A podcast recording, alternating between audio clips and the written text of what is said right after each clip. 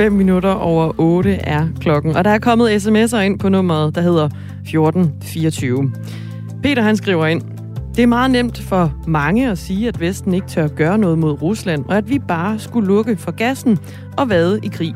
Det er tydeligt, at det ikke er folk, der at det er folk, der ikke kan se ud over deres egen næsetip. Prisen på gas vil stige voldsomt for os, der bruger gas, og den er ikke billig i forvejen. Og konsekvensen ved, at Vesten vil gå i krig, er en større mening, er større end menig folk forstår, skriver Peter.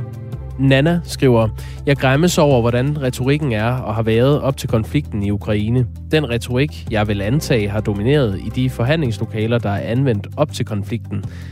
Jeg holder ikke med Rusland, jeg holder med fred. Ikke øh, til optrapning i form af oppisning af stemningen i vores befolkning. Og spørger i den anledning, hvor stor en andel af de snart 2%, vi bidrager til NATO med, anvendes til uddannelse af konfliktmalere. Mange flere konfliktmalere skal vi have. Og til sidst, flere våben forårsager skudt af flere tab af civile, og uanset hvordan de anvendes. Se på USA, hvor mange våben der findes civilt. Der, skriver Nana. Og så er der også øh, tækket et par spørgsmål ind, vi øh, lige vil svare på. Kenneth Fischer, han spørger, hvordan kan det være lovligt at kæmpe i Ukraine, når det ikke var tilladt at kæmpe i Syrien imod IS? Øh, ja, jamen det kan jeg godt svare på. Øh, vi har jo straffet personer, som rejste til Syrien for at kæmpe. Det var både for og imod islamisk stat. Og det skyldtes øh, både, at der var et indrejseforbud til Syrien, så det, var, det blev håndholdt. Og hvis man så kæmpede på øh, fjendens side i en væbnet konflikt, hvor Danmark er en part, så er det altså også øh, forbudt. Øh, I forhold til den her konflikt, eller lad os kalde det en krig, der er i Ukraine lige nu, øh, så er der ikke noget gældende indrejseforbud, og Danmark er heller ikke på den måde en part i den væbnede konflikt. Ikke selvom vi bidrager med, øh, med materiel og øh, diverse øh, våben, øh, nødhjælpsstøtte osv. til ukrainerne. Så det er ikke, der er ikke noget juridisk i vejen for, at man kæmper, og det er hverken på ukrainsk eller russisk side. Øh, netop fordi Danmark ikke er en, en part i den konflikt. Tine Hirtals, hun spørger også, hvorfor havnene ikke er lukket for russerne.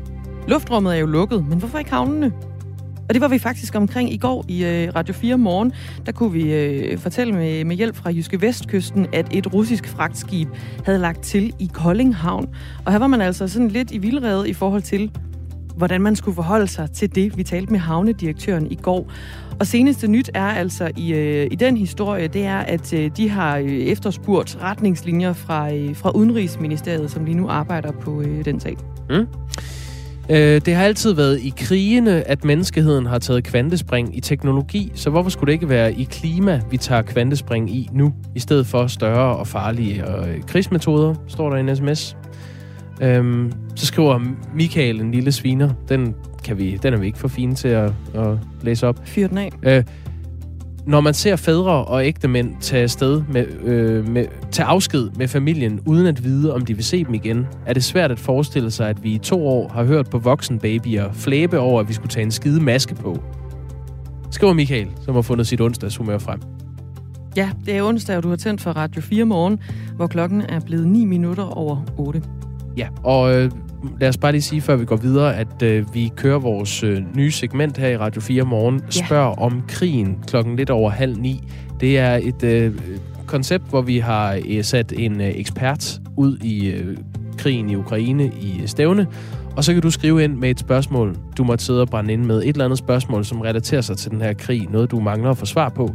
Skriv det på 1424. Start beskeden med R4 og et mellemrum. Og så sender vi det altså afsted til dagens ekspert, som er Jeppe Trautner, forsker i europæisk sikkerhedspolitik på Aalborg Universitet og major i reserven.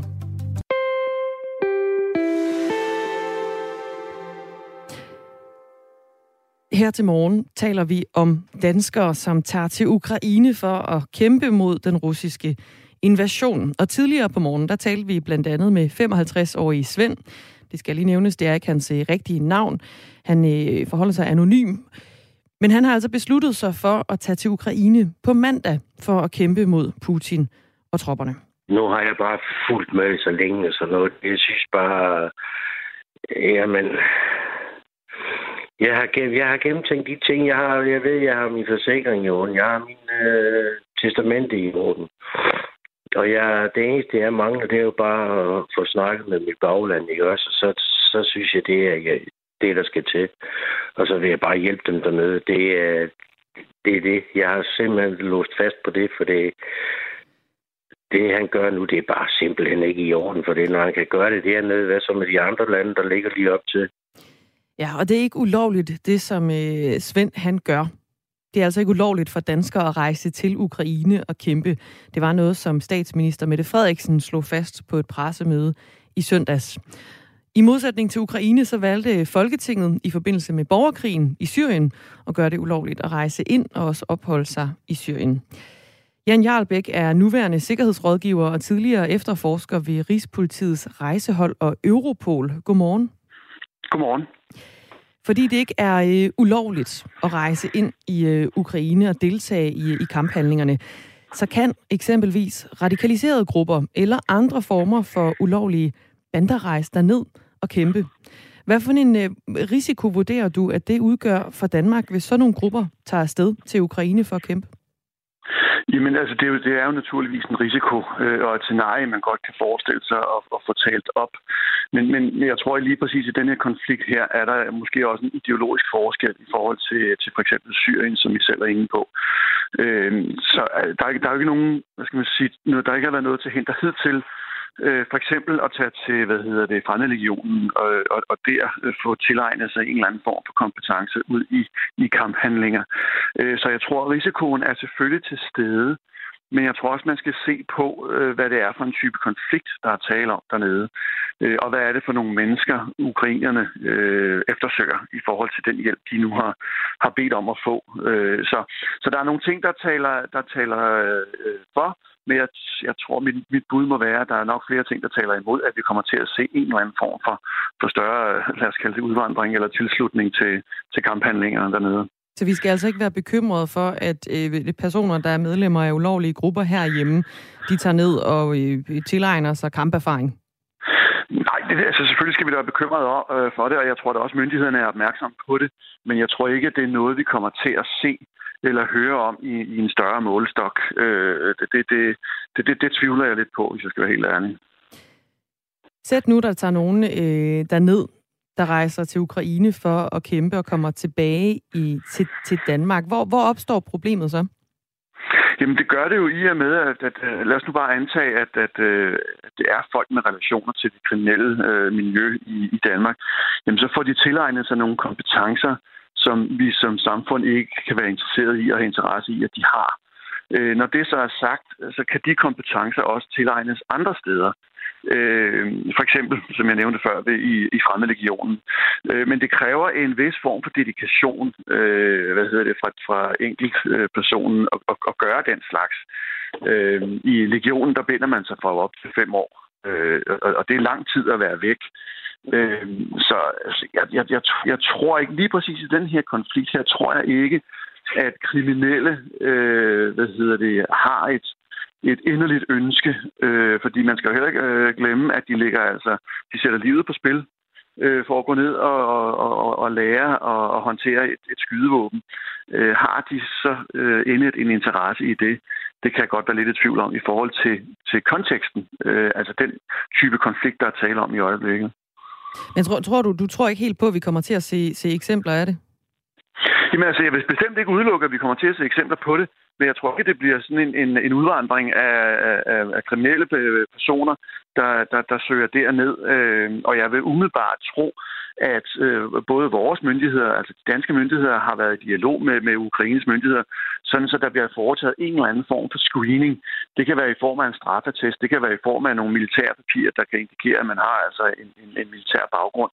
Øh, jeg, jeg tror, man har taget den lidt, eller håber i hvert fald, man har taget den lidt i opløbet, og taget den dialog med, øh, med, med Ukraines øh, ambassade heroppe, som jo har meldt ud, at man kan gå hen og udfylde spørgeskemaer, og så kan man øh, komme på en venteliste. Øh, men lurer mig om ikke vores efterretningstjenester har været øh, fremme i skoene her, og så haft en dialog med dem. Ja, Ukraine har jo, har jo med afsæt i den her nuværende invasion oprettet sådan en international legion, som skal bestå ja. af udenlandske statsborgere, som altså vil kæmpe mod Rusland. Og for at være med i den, øh, siger du rigtig nok her, at man, så skal man altså tilmelde sig via ukrainske ambassader rundt om i øh, verden. Øh, øh hvor, hvor meget styr tror du på, at politiet eller PET har på, hvem der rejser til og fra Ukraine her i den næste periode? Jamen altså, nu, nu var I inde på det før. Der er ikke, noget, der er ikke meddelt noget indrejseforbud øh, eller anden form for blokade i forhold til Ukraine. Så man kan jo i princippet rejse ud, som man vil. Der er jo, der er jo øh, fri rejse inden for Schengen. Og når man så rammer en Schengen-grænse, så skal man så vise sit pas. Og så må man så håbe på, at kontrollen der er tilstrækkeligt effektiv til, at man bliver opdaget. Men som udgangspunkt, så kan man tage afsted. Øh, nu hørte vi en, der tager afsted på mandag, men du kan tage afsted i morgen, hvis du vil. Og så er du dernede, øh, og i bedste fald for, for, for, for, for den person, så er du i kamp allerede søndag eller et eller andet. Ikke? Så, så det, kan, det kan sådan set gøres relativt hurtigt. Øh, hverken vores politi eller de ukrainske myndigheder har overskud til at holde øje på, øh, holde øje på, på, på de mennesker, der er ved afsted og foretage sig den her slags handlinger her. Det, det, det, det kommer aldrig til at dæmme helt op for. Men du kan screene, og du kan lave et filter, der gør, at det ikke er hvad hedder det, øh, alt for mange uheldige elementer, der drøner afsted. Jan Jarlbæk er altså nuværende sikkerhedsrådgiver og tidligere efterforsker ved Rigspolitiets rejsehold og ved Europol. Øh, vi har fået en sms fra Jan, der lytter med fra Vejle, og skriver, hvis Danmark ændrer status og bliver part i den her konflikt, så bliver det ulovligt. Man kan altså tage lovligt afsted, og mens man kæmper, så bliver det så ulovligt. Det er rigtigt. Det, det er rigtigt, øh, og, og det ændrer jo den juridiske stilling øh, for, for, for, for de personer, der har taget afsted. Men man skal lige huske på, at, øh, og det bliver jo netop øh, noget juristeri, fordi hvad er situationen, når du tager afsted, og hvad er situationen så, når du er der? Øh, og, og det vil så stille nogle krav til, at, øh, at man så vågner op og tager tilbage igen, når man finder ud af, at, øh, at juraen har ændret sig lidt øh, hvad hedder det, og dermed ulovligt gjort, at man opholder sig dernede. Det skal man selvfølgelig være opmærksom på, når man tager afsted. Øh, men, men, men som udgangspunkt, så, øh, så er vi jo øh, i hvert fald for nærværende ikke en del af den der konflikt. Øh, så, så det ændrer sig nok ikke sådan umiddelbart, med mindre men men fra myndighedernes side går ud og siger, at det her det går simpelthen ikke. Øh, hvis det viser sig for eksempel, at der er mange, der tager afsted, øh, så, så stopper man øh, det hul. Ikke?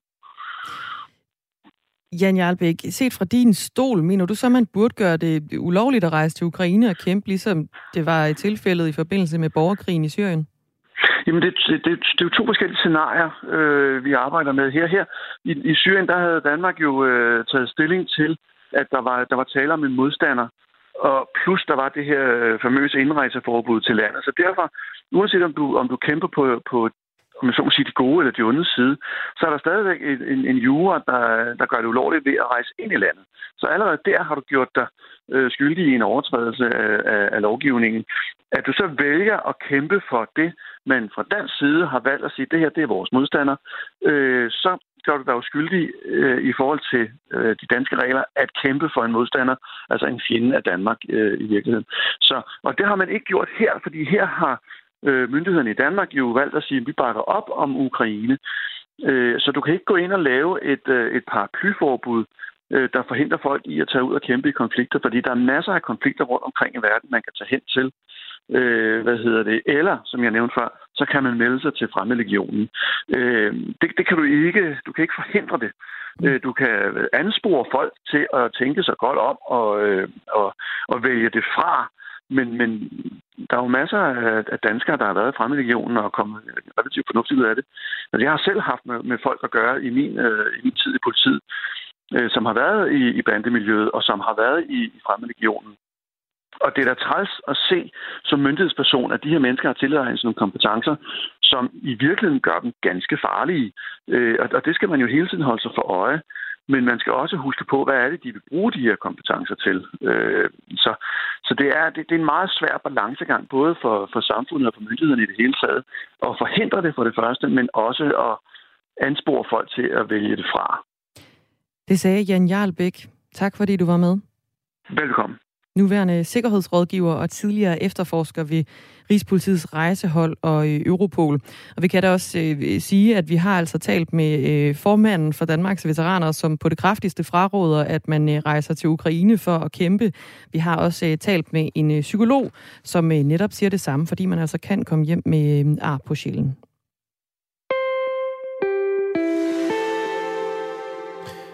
Lad os lige kigge på, øh, hvad det seneste er. Øhm, det seneste, der relaterer sig til krigen i Ukraine.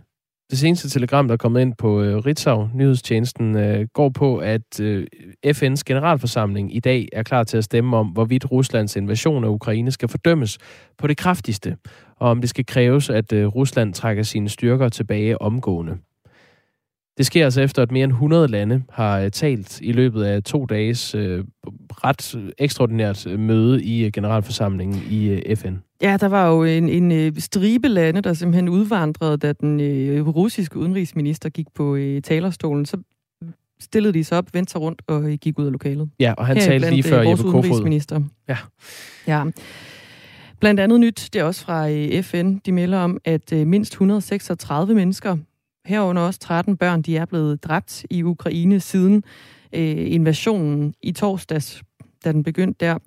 Og det er noget, som en øh, talsperson for FN oplyser ifølge CNN. Og derudover så skal yderligere 400 personer være blevet såret under krigen.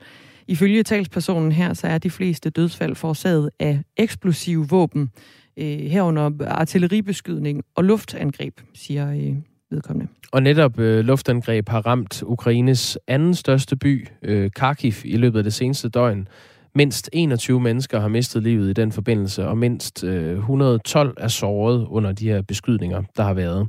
Myndighederne har øh, tidligere meldt ud, altså de, øh, de ukrainske slagsen, at russiske missilangreb har ramt centrum af Kharkiv, øh, som altså kan være øh, kan være sammenlignet med øh, Ukraines Aarhus, den næststørste by i Ukraine. Og boligområder samt den øh, regionale administrationsbygning i byen er blevet ramt. Ja, og øh, mens alt det her sker, så er der altså øh, danskere, der overvejer at øh, rejse ned og tage del i øh, kampene mod Rusland i Ukraine. En af dem, der tager afsted, det er Svend på 55 år. Det er ikke hans rigtige navn. Vi kender hans rigtige navn, men han ønsker altså at være anonym her i, i radioen. Svend har været hjemmeværnet, men har ingen militær erfaring ud over det. Og vi talte med ham øh, lidt tidligere på morgenen.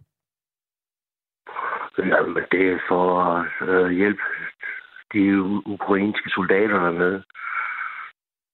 For det at øh, jeg synes simpelthen ikke, at øh, det er i orden, det ham Putin han er i gang med. Men øh, hvis han kan gøre det dernede, så kan han også gøre det de andre steder. Så hvad mener du, du kan bidrage med? Jamen, det ved jeg ikke. Øhm... Jamen, jeg ved ikke min støtte i hvert fald. Jeg vil bare støtte dem. Det, det, det er det, der er hovedsagen. Mm. Hvor længe har du... Øh, altså nu, invasionen startede jo i torsdags. Hvor længe har du Jamen. gået med de her tanker, og hvornår og hvordan træffede du beslutningen? Jamen, jeg har jo nu har jeg jo fulgt med i medier og alt sådan noget der. Jeg har helt tiden sagt, at det vil ende galt, det der. Og det gjorde det så også jo, og så var det, jeg tænkte, det først går helt galt dernede, så vil jeg tage afsted. Så du... det har jeg gået, det har jeg gået at tænke på lige. Ja, og nu mener du altså, at det er gået helt galt dernede, så derfor ja, drager du det... afsted? Ja. Så, så hvad, når du kommer øh, derned, du har jo været i hjemmeværnet, ved vi, øh, ja. men har ellers ingen militær erfaring derudover. Så, så, så hvad, kan du, øh, hvad kan du gøre som jamen, civil, når du dukker op i, i Ukraine for at kæmpe?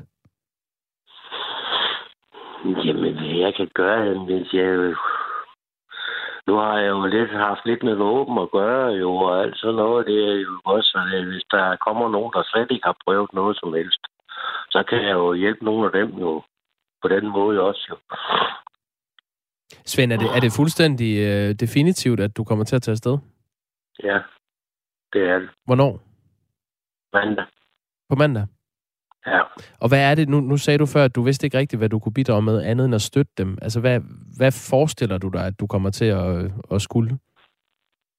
Jamen, jeg forestiller jo mig nok, at jeg skal ned og så kæmpe lidt sammen med side om side med de ukrainske soldater. Taler du russisk? Nej, jeg snakker engelsk. Øh, og, lidt, og lidt tysk. ja, vi, vi hørte tidligere på morgenen fra en øh, øh, landsformand for Danmarks Veteraner, som, som selv har været i forsvaret i 40 år og har været udsendt øh, fire gange. Og han, ja. han fraråder det kraftigt, altså at man som civil dansker tager afsted. Øh, ja, og der er blandt andet ja. også en sprogbarriere der. Ja, men jeg har godt hørt, Ja, men jeg har godt hørt det. Jeg så også noget fjernsyn i går med en, der har været sendt til sted.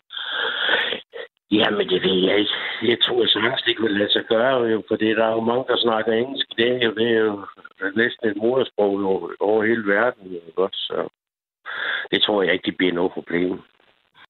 Sådan siger altså 55-årige Svend, som er bare en af de danskere, som lige nu øh, enten overvejer eller faktisk har taget en beslutning og er på vej til Ukraine. Michael Bang Petersen er professor på Aarhus Universitet og øh, blandt andet leder af det, der hedder HOPE-projektet der. Godmorgen. Godmorgen. I 2016 undersøgte du øh, det her spørgsmål, altså om hvorvidt danskerne er klar til at gribe til våben, hvis der kommer en konflikt. Dengang var det i lyset af, at Rusland opfører sig mere og mere aggressivt. Hvad, øh, hvad, hvad kom du frem til? Ja, det vi, det vi kiggede på, det var jo i hvilken grad folk var villige til at gribe til våben. Ikke for at tage hen et andet sted, men øh, i forhold til at, at forsvare øh, landet i, i tilfældet af en, en en invasion. Og man kan sige, der er jo masser af forbehold, som skal øh, tages, når man applicerer det på denne her situation. Dels så var øh, situationen en anden, og dels så det, som vi har undersøgt her, er jo alene de forestillinger, som folk gør sig. Men måske passer det meget godt til nogle af de tanker, som forskellige folk her i Danmark øh, rent faktisk gør sig i de her dage. Sige, hvad hvis det nu var os, der var blevet invaderet, øh, og ikke Ukraine. Og det vi, den, den måde, som vi ligesom har undersøgt det på, det er ved at, at trække tråde øh, og folks øh, tanker tilbage til modstandsbevægelsen og sige, vil du støtte en sådan modstandsbevægelse herunder øh, ved at, øh, at bruge, bruge vold? Og det er der 31 procent, som, som siger, at de kunne forestille sig og, og rent faktisk ville bruge, øh, bruge vold. Og måske ikke så overraskende, så er det i øh, betydelig højere grad øh, mænd, end det er, er kvinder, der gør sig forestilling om, at de vil gribe til våben. Hvem er det øh, så at de mænd, der er øh, mest klar til at ty til vold i sådan en situation? Når vi kigger i, i de her øh, data, så er dem, der forestiller sig, at, at de, de kunne finde på at gribe til, til vold, det vil være øh, mere midalderne øh, mænd, og det er en af de ting, som som ikke passer så godt med, hvad det er, vi ved generelt set om, hvem det er, der deltager i væbnede konflikter. Fordi det er i høj grad unge øh, mænd, altså når det rent faktisk bliver, bliver alvor. Men de her forestillinger ser altså ud, som om de er mere øh, udbredte blandt dem, der er øh, over de, de 40 år. Og, og det kan jo være, at, at det er i højere grad folk, som har tidligere øh, levet under den, den kolde krig, i højere grad har været påvirket af de historier, som der har været omkring øh, 2. verdenskrig. Vi ved ikke helt præcis, hvorfor det lige præcis er denne her gruppe. Men ellers så noget af det, vi også har, har set, det er, at, at det er folk, som, som generelt set har, kan man sige, en mere aggressiv øh, personlighed, som, øh, som også tænker, jamen nu øh, griber, jeg til, øh, griber jeg til våben og forsvarer øh, landet. Så det er noget, I også har med i undersøgelsen, øh, hvilken øh, type man er? ja, hvad for en type man er. Og man kan sige, i virkeligheden, grunden til, at vi lavede den her undersøgelse, det var, fordi vi er, er interesseret i et, øh, et, et paradoks, som vi har undersøgt i en lang række afrikanske lande, om at at dem, der... Øh, hvis du kigger på modstandsbevægelser mod regimer i afrikanske lande, så, øh, så har de ofte en række paroler omkring, at man gør det for demokrati og, og lighed samtidig med, at dem, der rent faktisk deltager i de her kampe, de ofte har mere antidemokratiske holdninger øh, selv. Og så var det, vi var interesseret i, hvad er det så, vi vil se i et, i et øh, fuldstændig demokratisk land som, som Danmark? Hvem er det, der gør sig øh, de her forskninger om, at man gerne vil forsvare demokratiet? Og der er faktisk også en tendens til, at det er folk med et, et, et lidt mindre demokratisk øh, sindelag, som i bund og grund er demokratiets uh, sidste, uh, sidste boldværk, om man så må sige. Så lyder det altså fra Michael Bang Petersen, som er professor på Aarhus Universitet, og øh, det skal siges, det var altså i 2016, I undersøgte det her, og det var, øh, hvad man selv tænker, man vil gøre, og ikke hvad man konkret gør i den her situation, vi står i nu i 2022. Du skal have tak for, at du er med. Ja, velkommen. Vi nærmer os øh, klokken øh, halv ni, hvor vi skal have et øh, nyhedsoverblik ved øh, Anne-Sophie Felt. På den anden side af det har vi Jeppe Trautner med forsker ja. i europæisk øh, sikkerhedspolitik på Aalborg Universitet. Ja, og så er han i øvrigt også øh, major i, øh, i reserven. Ham øh, taler vi med, og så stiller vi jeres spørgsmål videre, som er kommet ind fra øh, nummeret, der hedder 1424. Klokken er halv ni.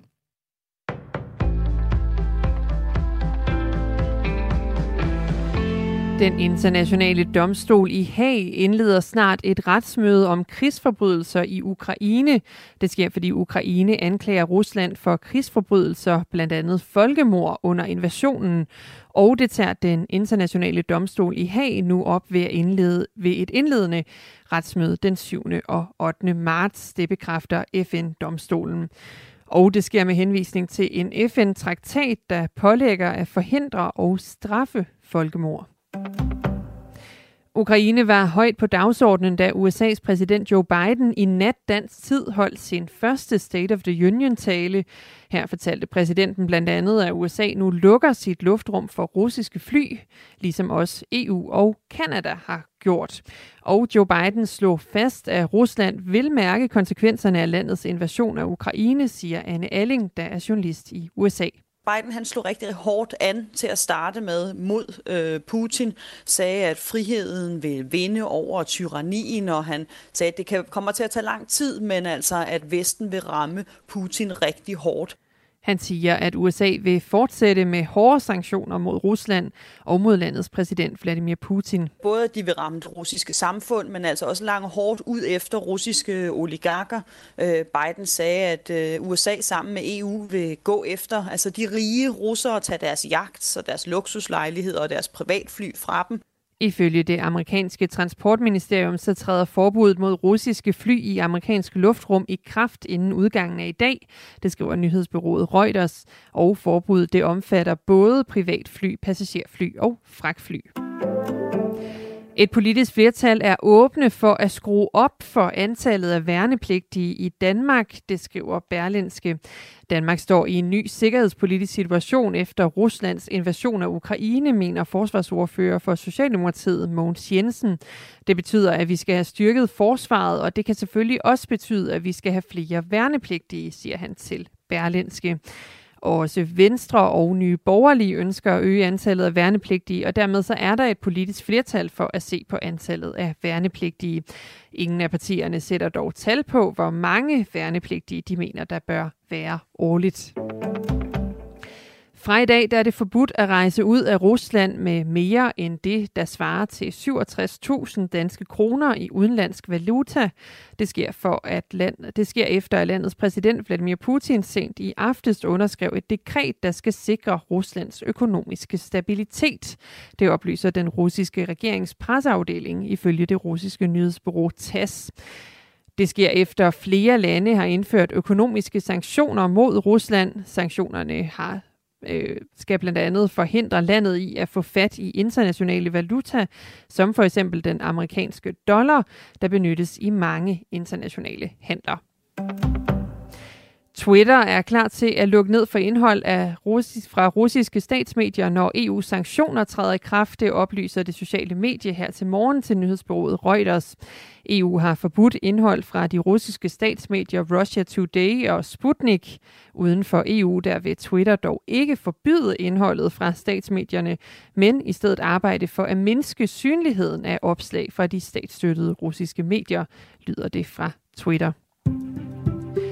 Først tåge eller rimtog, men i løbet af formiddagen så klarer det op med lidt eller nogen sol, og vi får temperaturer mellem 4 og 8 graders varme, og så får vi en svag til jævn nordlig vind, og der er også risiko for pletvis rimglatte veje her til morgen. Det var nyhederne her på Radio 4.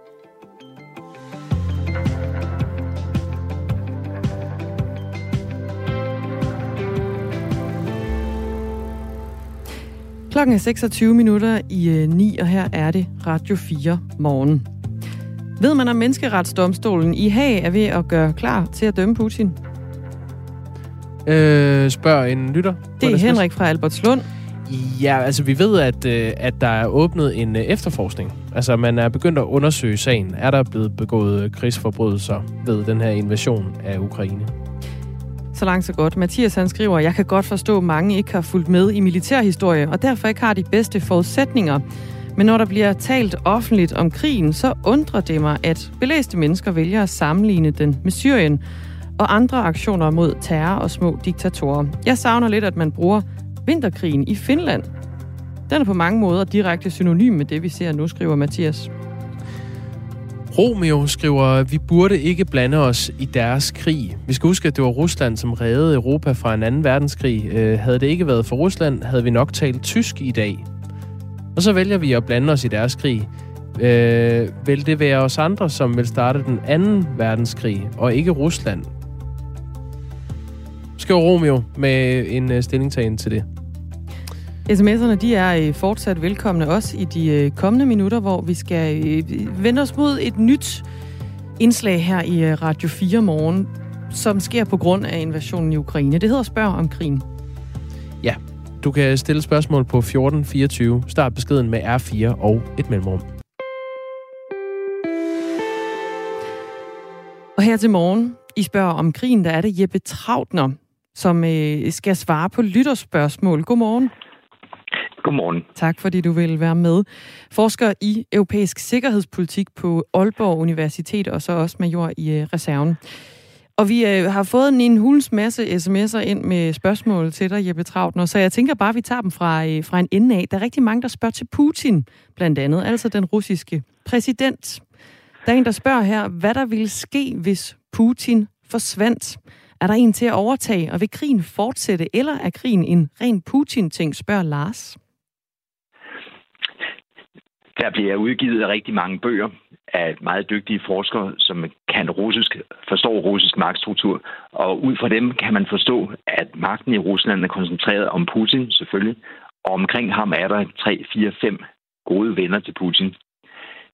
Hvis Putin, lad os sige, bare sådan dør af sig selv, i morgen for eksempel, så er det sandsynligt, at en af de 3, 4, 5 andre magtmænd omkring ham tager styring i Rusland, i hvert fald en periode. Det kan også stadigvæk give en del ustabilitet. Så hvis Putin han forsvinder i morgen tidlig, det er, at han får en kop te med polonium i aften, så, så, så vil en af de andre magtmænd tage den. Men det kan udløse en magtkamp. Det er det bedste gæt, man kan komme med, fordi Putin har ikke udpeget en afløser. Så, så krigen er ikke egentlig en ren Putin-ting. Det er noget, som andre personer rundt om hans person vil kunne fortsætte. Det kan de godt finde på.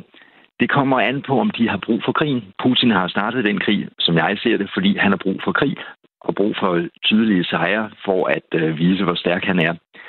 Hvis øh, en anden overtager magten i en intern kup eller sådan, kan det være, at vedkommende fortsætter krigen for at demonstrere, at vedkommende er stærk. Det kan også godt være, at vedkommende siger, at det var Putins krig, og nu er problemet løst, og Rusland trækker sig tilbage. Det er forudsigeligt. Men man skal bare sige, at de mennesker, der er omkring Putin, er benhårde mennesker med så hårdt et syn på verden, som Putin selv har. De har ingen problemer med at bruge magt, og bruger gerne rigtig meget magt. Vi talte jo tidligere her på morgen med øh, Samuel Raklin, som er øh, tidligere Ruslands korrespondent og også forfatter til bogen Jeg, Putin, som altså er ganske vidne på, på emnet her og på Putin som person. Øh, og han, han siger, at, at Putin han efterhånden ser presset ud. Og der er en lytter, der hedder Martin, der spørger om Putin vil bruge atomvåben, hvis han bliver presset. Det blev diskuteret i forgårs og i går blandt de eksperter, der er dygtigst, hvad angår russiske atomvåben. Der findes ikke ret mange, men der findes eksperter, der følger, hvad har Rusland af atomvåben, hvilke fremføringsmidler har de til atomvåbnene, hvor store er de, hvad tænker de om atomvåbnene, hvordan øver de atomvåbnene, og hvad skriver de og siger de om atomvåbnene. Mit bud på baggrund af deres forskning vil være, ja, Putin vil personligt sige ja til at bruge atomvåben, hvis det er det, der skal til for at redde ham og hans styre. Men det er jo svært at sige, at man kommer i en situation, hvor det giver mening at bruge atomvåben, fordi der er selvfølgelig betydelige omkostninger ved at gøre det, også for Putin. Den gode nyhed er, at man behøver ikke at frygte en verden som spændende atomkrig. Det er der simpelthen hverken kapacitet eller vilje til i Rusland eller noget andet land. Hvis der bliver brugt atomvåben, vil det formentlig være nogle få små våben vendt mod Ukraine. Vi har øh, fået rigtig, rigtig mange spørgsmål ind til dig her, Jeppe Travden, og altså forsker i europæisk sikkerhedspolitik på Aalborg Universitet, som vi øh, sender spørgsmål i retning af, som er blevet sendt ind af vores lyttere her på, øh, på Radio 4 morgen. Jesper, han spørger, hvad hvis Danmark bliver angrebet? Vil vi så også mobilisere folk, som står i reserven, som heller ikke har militær erfaring? Det er noget, vi har rundet i dag, det her med, at danskere de tager til Ukraine for at, øh, at kæmpe, også dem uden militær erfaring. Jeg vil sige, folk, der ønsker, at det kan altid være til hjælp i en krigssituation. Man behøver ikke at være en stor soldat, der er vældig dygtig med en rifle eller sådan. Rigtig meget militært arbejde handler jo om logistik, at flytte ting eller at forberede feltbefæstninger, altså i hovedsagen grave huller og forstærke bygninger, så alle kan hjælpe, også selvom de ikke er militært trænet, bare man har en rimelig fysik og frem for alt viljen til det. Men det oprindelige spørgsmål var, hvad med Danmark? Mm. Når man ser på Ruslands militære styrker, og jeg har stor respekt for dem, også selvom de startede denne krig på den forkerte fod og gjorde det temmelig tåbeligt. De russiske militære styrker er meget stærke, men de har overhovedet ikke styrken til at komme til Danmark. Jeg kan sagtens se scenarier, hvor Bornholm bliver besat af Rusland, eller hvor de jyske flyvestationer får nogle raketter. Det, er, det vil være inden for russisk kapacitet og doktriner, og den måde, de tænker på og arbejder på. Men der kommer altså ikke russiske soldater i det danske gader. Det er det er Rusland slet ikke stærkt nok til. Jeppe Travl, når du, siger, du, du, når du siger, du sagtens kan se en, øh, en russisk invasion af, Bornholm, øh, er det sådan noget, du betragter som ligefrem sådan sandsynligt? Hvis Rusland bestemmer sig for at tage Estland, Letland og Litauen, ja, så er det ganske sandsynligt, at de samtidig tager Bornholm. Men her har vi jo en, skal man sige, en politisk opfattelse blandt mange danskere, at fordi Danmark og Estland, Letland og Litauen er medlem af NATO, så, så kommer russerne ikke. Der er også mange danskere, der mener, at når man er medlem af Folkekirken, så kommer man i himlen. Og det har cirka samme karakter. Russerne er fuldstændig ligeglade med, om man er medlem af Folkekirken eller NATO. Det, de ser på, er, har man militære kapaciteter. Det har Estland, Letland og Litauen og Danmark ikke, så vi kan ikke beskytte Estland, Letland, Litauen og Bornholm, og derfor kan russerne tage det og vil gøre det, hvis de synes, det er fornuftigt. Vil, vil det sige, at du, du anser slet ikke NATO for at være øh, afskrækkende, for, for at Putin kunne finde på at rykke ind i et NATO-land? Jo, fordi hvis Putin rykker ind i et NATO-land som Estland, Letland og Litauen, så vil øh, det jo medføre sanktioner og en masse diplomatisk blæst, men der er ingen militære sanktioner, som vil kunne ramme Rusland på det her. Det er overstået så hurtigt, at NATO ikke kan bringe dets få, små og forkert placerede styrker i anvendelse. Mark fra Roskilde, han spørger, det kan være, det kommer lidt ind fra siden nu, fordi vi jo så øh, ikke antager, at, at øh, Rusland kan invadere Danmark, men potentielt øh, Bornholm. Han spørger her, hvis vi antager, at politikerne i dag giver forsvaret alle de penge, som de har brug for til materiel og bemanding, hvor længe vil det så tage, før forsvaret reelt er klar til at forsvare Danmark i en territorial krig? Det vil cirka tage 5.000 år, fordi det, der er galt med dansk forsvar, er to ting. Det mangler en klar opgave. Dansk forsvars opgave er ekstremt uklar fra politisk side. Så giver man penge uden at give politisk retning, så kommer der aldrig til at ske noget fornuftigt. Så penge kan ikke gives alene til et forsvar. Hvis politikerne ønsker at give dansk forsvar flere penge, og det er der jo ikke rigtig noget, der tyder på, men hvis politikerne i dag ønsker at give dansk forsvar flere penge, så skal de give et formål med det. Det formål kunne være, jeg nævner et tilfældigt formål, at gøre NATO stærkere. Lige nu er dansk forsvars formål 10-20 ting med at gøre verden til et bedre sted at leve og grøn omstilling. Men altså uden et formål, så er flere penge ikke noget, der hjælper forsvaret. Mark, han har jo udstukket et formål i den her sms. Han siger jo til at forsvare Danmark i en territorial krig. Fint. Så er, hvis øh, politikerne beslutter, at det skal være dansk forsvars nye formål, så tror jeg, at man vil kunne have et forsvar klar på en 5-7 år, som kunne forsvare Danmark mod territorial krig. Der er altså ingen grund til det, fordi der er ikke nogen trussel mod Danmark her ud over Bornholm og de jyske flyvestationer. Peter Lytzen fra Amager, han øh, er lidt interesseret i at høre, hvis man nu som dansk statsborger bliver taget som krigsfange, hvordan står man så? Hvis man er taget som krigsfange, altså vi forestiller os, at en dansker er taget til Ukraine og blevet taget som krigsfange, ja. så har russerne jo anerkendt, at man kæmpede som soldat på ukrainsk side. Så var man korrekt afmærket og er beskyttet følge Genève-konventionen. Hvis man bliver taget iført ikke en uniform, eller ikke bliver anerkendt som ukrainsk kæmpende enhed, så er man jo en sabotør eller en kriminel. Og så står man meget, meget dårligt i russisk retspleje.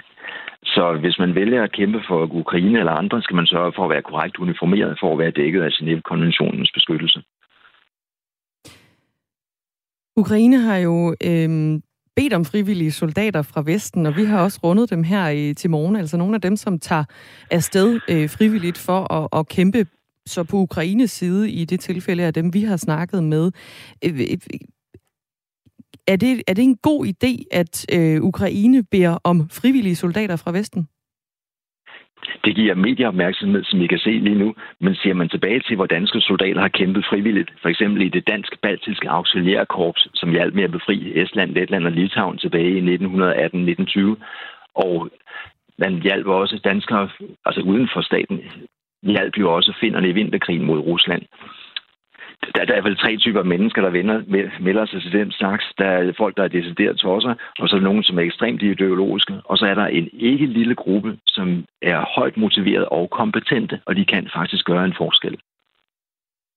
Vi har fået en sms fra Dennis, der skriver, kunne man forestille sig en hasteindlemning af Finland i NATO og Ukraine i EU for at sætte yderligere pres på Rusland? NATO først den tidligere generalsekretær for NATO, den tidligere danske statsminister Anders Fogh Rasmussen, har sagt, at det kan ske i løbet af nat. Jeg har været i, øh, i Sverige og Finland for NATO og set deres beredskab. De to lande er klar til NATO og kan blive medlemmer fra så hurtigt det kan besluttes politisk. Der er ikke nogen problemer med at få dem ombord, hvis de vil. Ukraine ind i EU det er et stort og kompliceret spørgsmål, og jeg vil sige generelt nej, fordi for at komme ind i EU skal man opfylde så mange krav, fordi ens økonomi og politisk system skal være på bestemte måder. Det bliver meget vanskeligt at gøre, men måske kunne man gøre det på en symbolsk måde, og så tager det jo ikke længere tid end at vedtage nogle resolutioner og beslutninger. Når civile får udleveret våben, så vil russerne blive nødt til at betragte enhver civil som ulovlig kompetent, for at bruge et begreb, vi selv opfandt for at retfærdiggøre angreb på civile. Alle, der er fortalere for civile angreb, øh, at civile griber til våben, er kyniske. Krigspropagandaen er oppe i det røde felt, skriver Jon ind. Er krigspropagandaen oppe i det røde felt? Jeg vil sige, at solidariteten med Ukraine synes meget stærk og varm. Men enkelte, for enkelte, så bliver den solidaritet med Ukraine til et, et rablende øh, russerhad eller sådan. Men lad mig lige korrigere. Man behøver faktisk ikke at være uniformeret for som civil at kæmpe for sit land eller et andet land. Man skal være afmærket. Så det er nok at have en gul sløjfe om sit øh, ærme, sådan som de øh, ukrainske hjemmeværn bliver afmærket.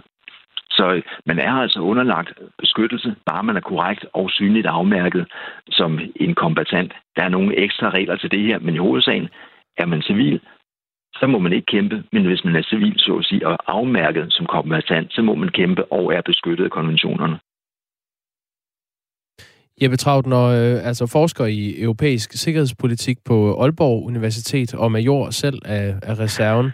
Øhm, jeg kan simpelthen ikke glemme, at du tidligere i det her interview sagde, at, øh, at Rusland, hvis de ville, kunne rykke direkte ind i de baltiske lande uden problemer, selvom det er NATO-lande, fordi NATO simpelthen har øh, styrkerne forkert placeret.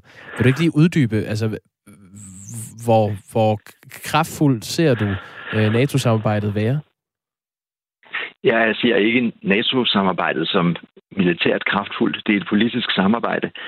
NATO har 1.000 soldater, ah, nu er det efterhånden 1.500 soldater i Estland, 1.000 i Letland og 1.000 i Litauen og 1.000 i Polen. Det er altså ikke ret mange.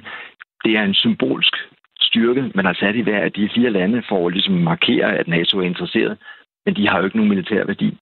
Ideen ved at putte de 1000 soldater i hver af de fire lande, det er, at man skulle så politisk afskrække russerne. Men det er jo ikke russerne, der bestemmer noget som helst her. Det er Putin og hans gode venner i toppen af regimet. Og de er bare fuldstændig ligeglade med 1000 soldater. De behøver ikke engang at slå nogen af dem ihjel. De kan bare køre forbi dem. Så nej, NATO har ikke ret meget militær styrke, og i de seneste 30 år, hvor de baltiske lande blev selvstændige efter de mange årtiers ødelæggelse og besættelse fra Sovjetunionen, der har NATO ikke opbygget de baltiske lande. Der har tværtimod været en periode på 10 år, hvor NATO har bidraget til at afvæbne de baltiske lande ved at kræve, at de kun skulle stille styrker til rådighed i Irak og Afghanistan. Så man har simpelthen fejllæst, at Rusland igen kunne blive en trussel mod de baltiske lande, og de baltiske lande står nu uden kampvogne og en hel masse andre væsentlige ting, der kunne udgøre et militært forsvar de er desværre så let at tage, at de fleste scenarier siger 1, 2, 3 dage, så er det overstået. Det var forudsigelsen fra øh, Jeppe Trautner, som altså har været med her i Radio 4 morgen for at svare på lytternes spørgsmål. Tak fordi du var med. Ja, tak. Forsker i europæisk sikkerhedspolitik på Aalborg Universitet og major af reserven. Velkommen til dit sidste måltid. Det sidste måltid med Lærke Kløvedal. Jeg skal brændes og så skal jeg ind i sådan en øh, nytårsraket. Find det sidste måltid som podcast, og lyt med søndag kl. 10 her på Radio 4. Og så håber jeg, at dem, som holder af mig og har været med hele vejen til at bestille sig ind på rådspladsen, så fyrer det mig nytårsaften kl. 12. Radio 4 taler med Danmark. Spørg om krigen, det er et øh, nyt koncept, vi har øh, indlemmet her i vores morgenradio, hvor øh, du altså har kunne være med til at stille spørgsmål i dag til Jeppe Trautner, forsker i europæisk sikkerhedspolitik og major af reserven. Det fortsætter sådan set i aften, det her koncept, i vores aftenradio kl. 19.05 og så frem til kl. 20, hvor man også kan stille øh, spørgsmål ind. Og der er et helt panel, der står klar i aften. Ja, så øh, send dine øh, sms'er ind på 1424, start beskeden med R4 og et mellemrum, og du kan lytte med der mellem klokken 7 og 8 i aften. Du kan også sende en øh, mail, tip, radio4.dk. Der er den. Et af de spørgsmål, der den seneste uge har været øh, svært at finde et helt præcist svar på i forbindelse med krigen i Ukraine, det er, hvor mange der er døde, både på russisk og på ukrainsk side. For eksempel forlyder det nu i de ukrainske medier, at flere end 5.700 øh, russiske soldater har mistet livet den seneste uge. Men tallene i de russiske medier er langt lavere end det. Vi øh, skal prøve at finde ud af, hvad der er hoved og hale i det med dig, Claus Mathisen. Godmorgen. Mm-hmm. Godmorgen. Lektor ved Forsvarsakademiet og øh, tidligere forsvarsattaché i Ukraine. Tror du på de her meldinger om, at flere end 5.700 russiske soldater har mistet livet? Øhm, jeg vil i hvert fald være forsigtig, fordi det er normalt sådan i krig, at øh, man under, undervurderer eller øh, underanmelder egne tab og overanmelder øh, fjendens tab. Det er en helt normal tilgang. Men at der har været betydelige tab, det er der rigtig meget, der tyder på. Og det kan godt være, at vi taler i hvert fald om flere tusind dræbte russiske soldater. For det er også dem, der har angrebet. Og det er i reglen sådan, at når man angriber, så mister man simpelthen flere soldater end øh, dem, der forsvarer sig. Det ligger i hele, det ligger i hele opstillingen. Men hvad, hvad, hvor vurderer du, at vi er henne? Øh, nu, nu de der meldinger på 5.700 er ret, ret hæftige for en øh, krig, der kun har varet seks dage. Ja, og derfor er jeg også forsigtig og siger, at vi kan godt, vi kan, det kan godt være, at vi taler om flere tusind, men de her op til 6.000 kan godt være overdrevne. Vi har set øh, tilsvarende udmeldinger om, om ret præcise tal på øh, ukrainske tab, og der må man nok også sige, at de er nok lidt lavere end virkeligheden, selvom de ser meget præcise ud, fordi øh, der må have været tab øh, på ukrainsk side i betragtning af de øh, sammenstød, der har været med russiske militære enheder. Et af de øh, tal, der er kommet fra øh, FN, det er, at 13 børn er dræbt, og øh, 136 civile er i hvert fald blevet dræbt i Ukraine her under, under de første dages krig, og yderligere 400 mennesker skulle være såret. Mener du, det tallet er højere end det FN melder ud? Jeg tror, at FN sætter tallet relativt lavt i FN Øh, det, er, det, det er væsentligt for FN's troværdighed at ikke rapportere andre tal end dem, man mener at have rimelig belæg for. Så dem fester jeg egentlig forholdsvis stor lid til, og det tyder jo også på, at den her krig kommer i høj grad også til at gå ud over civilbefolkningen, såvel børn som voksne, og der vil også og er allerede øh, anrettet betydelige øh, materielle skader er det overraskende, hvis vi nu tager udgangspunkt i, øh, i nogle tusind øh, russiske soldater, der allerede nu har mistet livet, altså på den angribende side, er det så overraskende, at de tabstal er så høje allerede nu? Det tror jeg i hvert fald er overraskende for den russiske side, fordi der er meget, der tyder på, at de havde forestillet sig en relativt hurtig sejr på måske to døgn. Øh, der var en artikel fremme i et af de russiske nyhedskanaler, som, øh, hvis ellers den er ægte og ikke et falsum, faktisk var en slags sejrsmelding, og hvad der nu skulle ske videre, når nu man havde fået fuldkommen kontrol over Ukraine. Og den kom faktisk to døgn efter, øh, at kampene blev indledt torsdag morgen. Så jeg tror, at russerne er blevet overrasket over, hvor meget modstand ukrainsk militær har, har, har ydet, og også hvor mange tab, der så helt naturligt er kommet som følge af det. Og det skal så siges, at øh, USA, bare lige til sammenligning, under øh, øh invasionen af Irak, øh, den, den, altså Irak-krigen, mistede under 5.000 soldater. Øhm, så ja. det, det er et virkelig højt tal på, på få dage. Hvis, hvis der er så mange ja, ja, du må gerne kommentere. Ja, ja det, og, og der vil jeg jo så også sige, der er, der er jo den forskel, at i Irak, der var der øh, nogle af de her eliteenheder, der faktisk øh, gjorde modstand, og det kunne heller ikke undgå at give tab på amerikansk side. Men der var også rigtig mange, der sådan ret hurtigt lagde våbnene og løb Øh, det har ikke været tilfældet i Ukraine, og det gør selvfølgelig en forskel.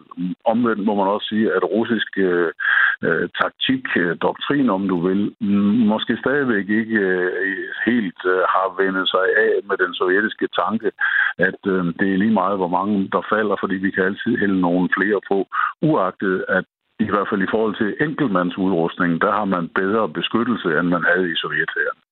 Der er en lytter, der spørger, om man taler om civile dødsfald, når det gælder ukrainske borgere, der har fået et våben udleveret. Ved du det? Mm, ja, det gør man ikke.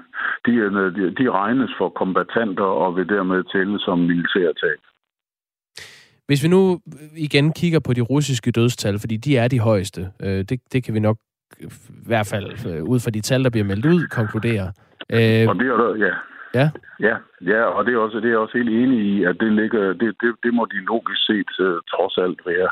Ja, hvis så mange er døde, lad os uh, tage udgangspunkt i nogle tusind russiske soldater. Altså igen, mm-hmm. jeg gentager bare lige, at, at meldingen fra uh, de ukrainske myndigheder er, at 5.700 russiske soldater har mistet livet. Hvis vi nu siger, at det er et par tusind, det er halvdelen af det. Hvad betyder det så for den russiske strategi, tror du?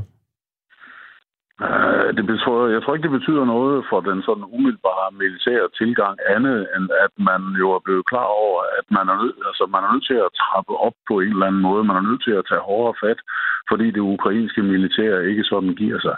Men om, det, altså, da der jo kommer meget lidt frem i de, i de medier i Rusland, som overhovedet fortæller noget, om, hvad der foregår, øh, så, så øh, er der ikke udsigter til, at der kommer sådan en voldsom protestreaktion i den russiske befolkning, sådan lige med det samme. Man skal huske, at hele det her i de russiske medier bliver beskrevet som en speciel militær operation. Man må ikke engang bruge ordet krig, og så er det helt klart, at så begynder man jo heller ikke at fortælle om tusindvis af faldende i den her krig mod øh, de nazistiske og fascistiske ukrainske narkomaner, som man kalder dem. Nej, vi ved også, at, øh, at mediedækningen øh, siger, at, at det går øh, efter planen, den her militære operation i Ukraine øh, for russerne. Ja, og det er der meget, der tyder på, at den ikke gør. Der er jo mange meldinger om bombeangreb. Øh, bare det seneste døgn har øh, den øh, næststørste ukrainske by, Kharkiv, været, været hårdt ramt af bomber. Er, er det en del af en, øh, en ny fase eller en ny strategi fra russisk side? Jeg tror, det er en del af den optrapning, der kom til at ske efter de første par døgn, hvor man ikke havde taget så hårdt fat fra russisk side. Og så begyndte man på den lidt desværre kendte russiske façon at øh, øge, øge presset mod øh, civilbefolkningen. Ikke for at slå civilbefolkningen ihjel, fordi det har russerne jo ikke som et mål i sig selv, men for ved at gøre det og lægge et kæmpe pres på den ukrainske politiske og militære ledelse. Fordi som ansvarlig præsident i et land, så er der jo et eller andet sted en grænse for, hvor mange civile man kan stå inden for og kommer til at miste livet i sådan en konflikt. Øhm, og det er desværre noget, vi har set russerne gøre flere andre steder i Tjetjenien i 495, øh, i, i øh, Syrien her, og i Georgien i 2008 faktisk også.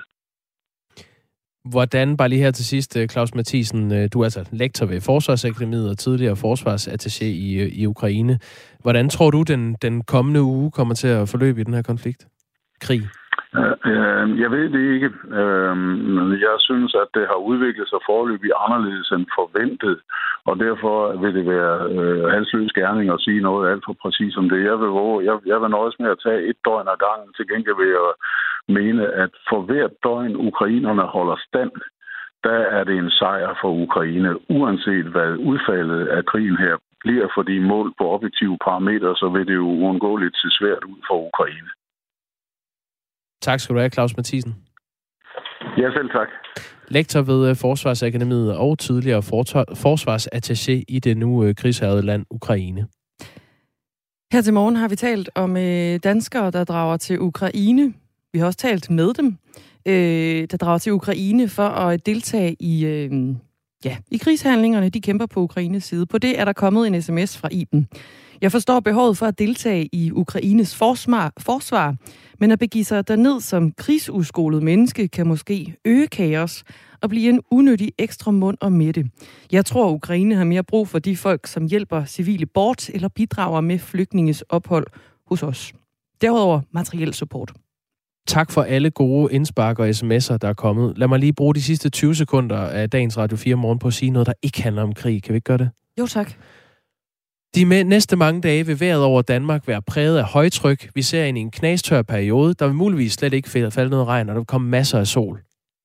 Er det ikke dejligt? Det er faktisk en, en god måde lige at starte øh, dagen på. Ja, man kan hurtigt blive meget mistrøstig af det, der foregår. Men altså, nogle rare øh, hverdage kan vi da se frem til her i Danmark. Klokken er ni. Vi er tilbage igen i morgen.